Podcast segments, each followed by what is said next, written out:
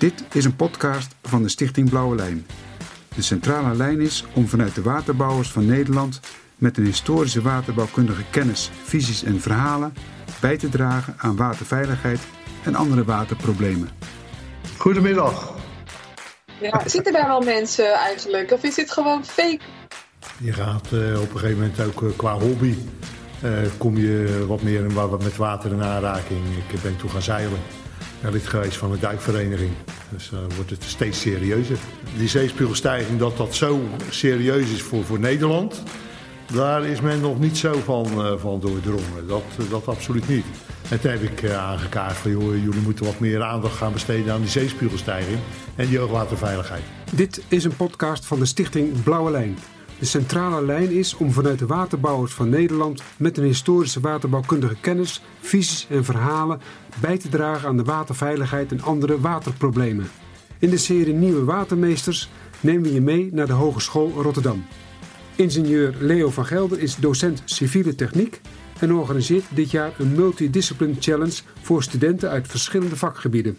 Het bijzondere van deze challenge is dat de studenten in twee weken tijd bestaande projecten hebben getoetst aan de haalbaarheid, vervolgens daarbij oplossingen bedachten en een deel van het kenniscongres Connecting Delta Cities in november hebben voorbereid. Je werkt als docent civiele techniek bij de Hogeschool Rotterdam. En daarna ben je ook actief geweest bij de Heemraad, dagelijks bestuur bij Waterschap Hollandse Delta, volgens mij. En daar had je de portefeuille waterveiligheid en nu ben je bestuurslid bij de Stichting De Blauwe Lijn. Ja. Maar ook weer hogeschooldocent. En hogeschooldocent. Ja. Want daar doe je het vak uh, civiele techniek. Bij de opleiding civiele techniek. En ik, ben, uh, ik heb een speciale opdracht, kwartiermaker Community of Practice Hoogwaterveiligheid. Is dat een speciale opdracht? Een soort gezantopdracht of zo? Nou ja, gewoon even de achtergrond. Kijk, ik heb toen vier jaar was ik heemraad. Dus als je vier jaar met die uh, te maken hebt gehad in het kader van die zeespiegelstijging. Ja, je komt weer terug bij de hogeschool. Ja, dan heb je zicht op het, uh, op het onderwijsprogramma. En toen heb ik aangekaart van joh, jullie moeten wat meer aandacht gaan besteden aan die zeespiegelstijging en die hoogwaterveiligheid. Ja goed, en dat, dat vonden ze toen een heel, heel goed idee. En omdat ik, ja ik had gezegd, ik ga over, want ik kom er wel weer fulltime bij jullie in dienst. Maar over zes maanden ga ik met pensioen.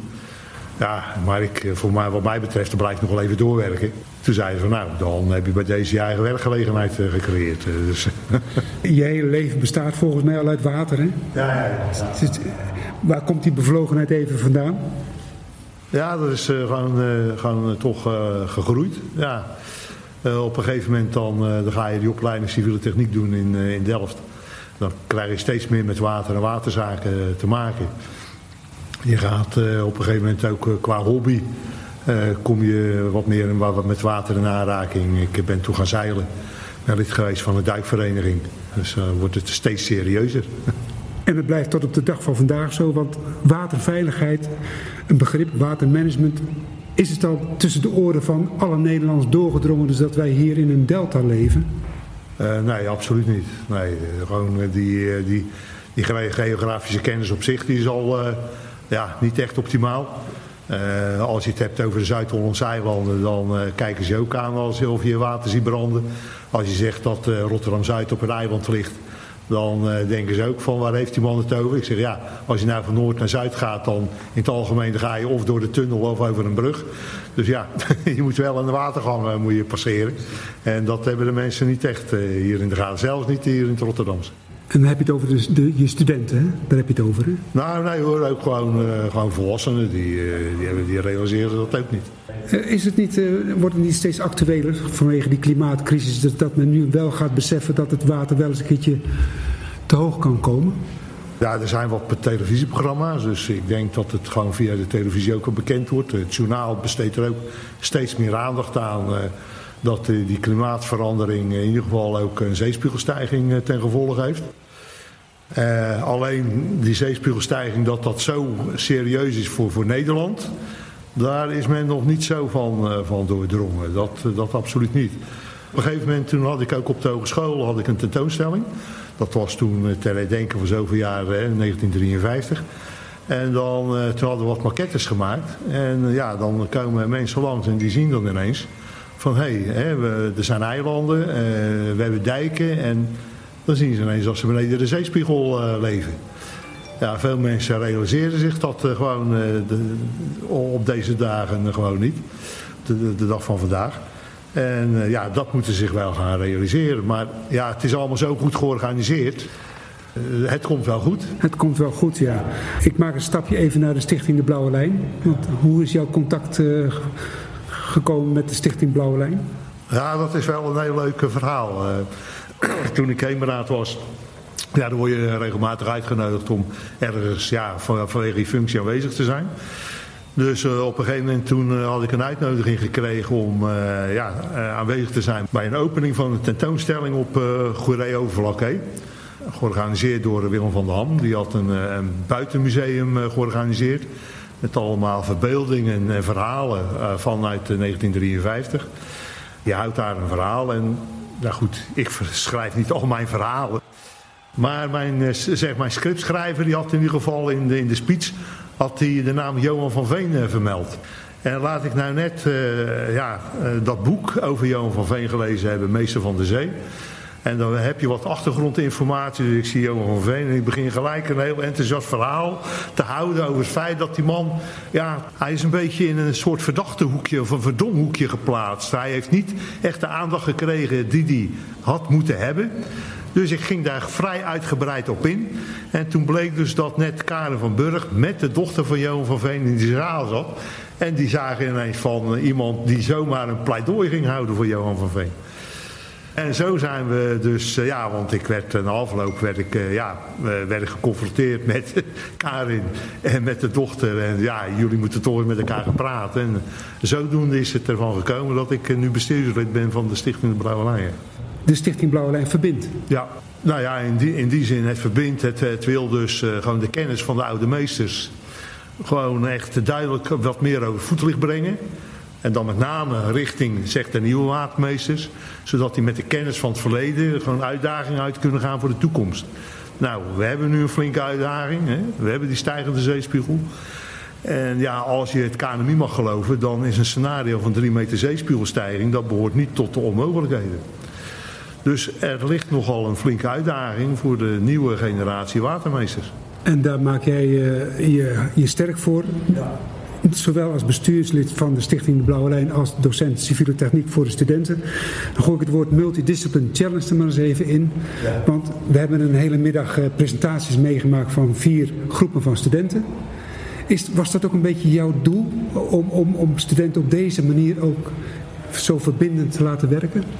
Uh, de multidisciplinaire challenge, uh, uh, gewoon die, die vormen. Dus multidisciplinair met studenten aan de gang gaan op bepaalde onderwerpen. Dat, dat ben ik wel gewend, dat doe ik al een aantal jaren. Maar nu werd het extra ingegeven vanwege het feit dat we in november dus iets willen gaan organiseren, een evenement. En ik van nou, dat willen we met studenten gaan doen. Dus ik dacht van nou, laten we dat even eens kijken. Kunnen we dat evenement vormgeven door middel van studenten voor studenten. En ik denk dat dat eh, de laatste twee weken best aardig goed gelukt is. Ik had eh, vier opdrachten had ik ingediend. Ingegeven vanuit het feit dat we hier dus een community of practice hebben opgericht. Met studenten en externen. Dat heeft tot een aantal opdrachten geleid. En die heb ik toen ingebracht. En dat was van een... Ja, wat gebeurt er met Rotterdam? Bij een open waterweg. Hè? Dus daar is met name vanuit de natuur is daar aandacht voor. Laten we gewoon de delta open, open leggen. Ja, dan heeft het stedelijk gebied van Rotterdam te maken met 3 meter zeespiegelstijging. En hoe ga, je, ja, hoe ga je daarmee om? Wat zijn de knelpunten?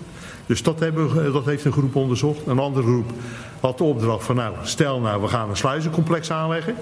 Wat voor consequenties heeft dat voor het havenbedrijf in het havengebied?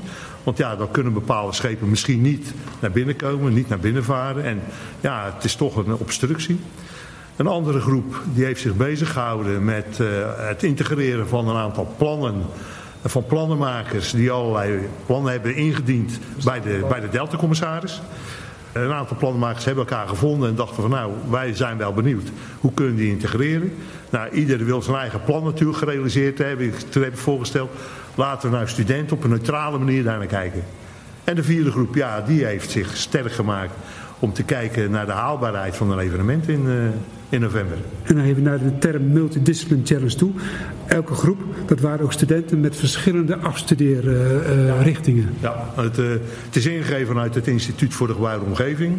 En bij dat instituut zijn aangesloten civiele techniek, watermanagement, bouwkunde, vastgoed en makelaardij, facility management en logistiek en economie.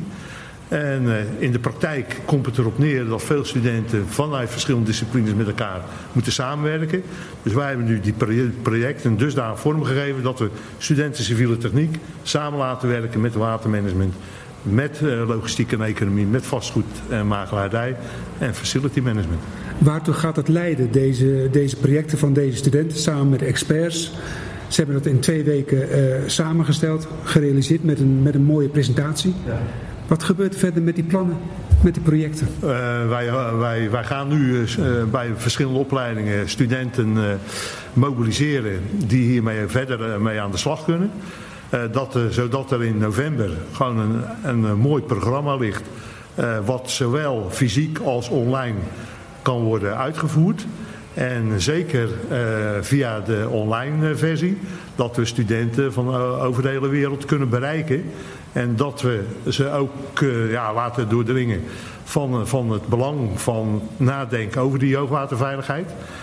Dat doen ze in hun eigen situatie, maar willen ze in verbinding brengen met studenten hier uit Rotterdam, die daar ook over hebben nagedacht. En op die manier een discussie tot stand kunnen laten brengen. Je, je probeert eigenlijk een uitwisseling tot stand te brengen van alle delta-cities in de wereld, om die over hetzelfde na te laten denken, over de waterveiligheid. Inderdaad, dus alle Delta Cities, en je noemt het al uh, Delta Cities. Rotterdam zit in een netwerk van Connecting Delta Cities. Nou, daar moeten we gewoon minimaal gewoon uit iedere, iedere stad gewoon een universiteit uh, benaderd hebben. Die de studenten gewoon afvaardigen. Om gewoon met studenten hier in Rotterdam, maar ook wereldwijd, met elkaar uh, over de problematiek in discussie gaan. Gaat het iets structureels worden? De, de, opzet hoe dit nu gebeurt eigenlijk? Nou, in de, tenminste dat is wel het streven. Ik ben heel klein begonnen, kleinschalig opleiding civiele techniek. Vervolgens is het bij ons instituut breed. We maken het hogeschool breed. En vervolgens, ja, nu blijkt dat er mogelijkheden zijn om het wereldwijd uit te zetten. Nou, laten we daar dan in ieder geval proberen om dat dusdanig vorm te geven dat we ook in gesprek blijven. Ik maak het weer iets kleiner terug naar die vier projecten. Het project levert een mooie dag of een week op in november, hè? fysiek of online. En online. En, of, beide, hè? het is ja. en fysiek en online. En dan komt er weer 2022, komt er weer een nieuw project. Zeker, daar gaan we zeker naar streven, ja. ja, ja, ja. We zijn nog niet klaar. Het, de klimaatverandering is nog niet gestopt. De zeespiegelstijging is nog niet gestopt. Dus wij zijn ook nog niet gestopt. En jouw dromen zijn ook nog niet gestopt. En jouw ideeën zijn ook nog onuitputtelijk wat dat betreft. Leo van Gelder, dankjewel. Oké. Okay. In de volgende aflevering van Nieuwe Watermeesters komen studenten van de Hogeschool Rotterdam aan het woord. Zij bestudeerden twee weken lang bestaande waterbouwkundige projecten en kwamen tot verrassende conclusies. Nou, jullie zijn al aan het kennismaken en zijn we onderlinge ervaring aan het uitwisselen. Hartstikke goed. Gaat het allemaal goed van Gelder? Het gaat nog steeds goed. En Jan, ben jij er ook nog?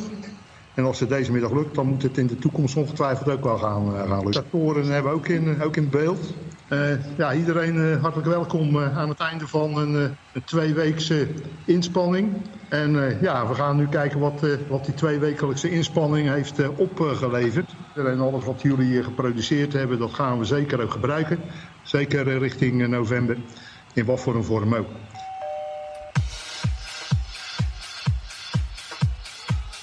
Dit is een productie van Rietveld Media Podcast.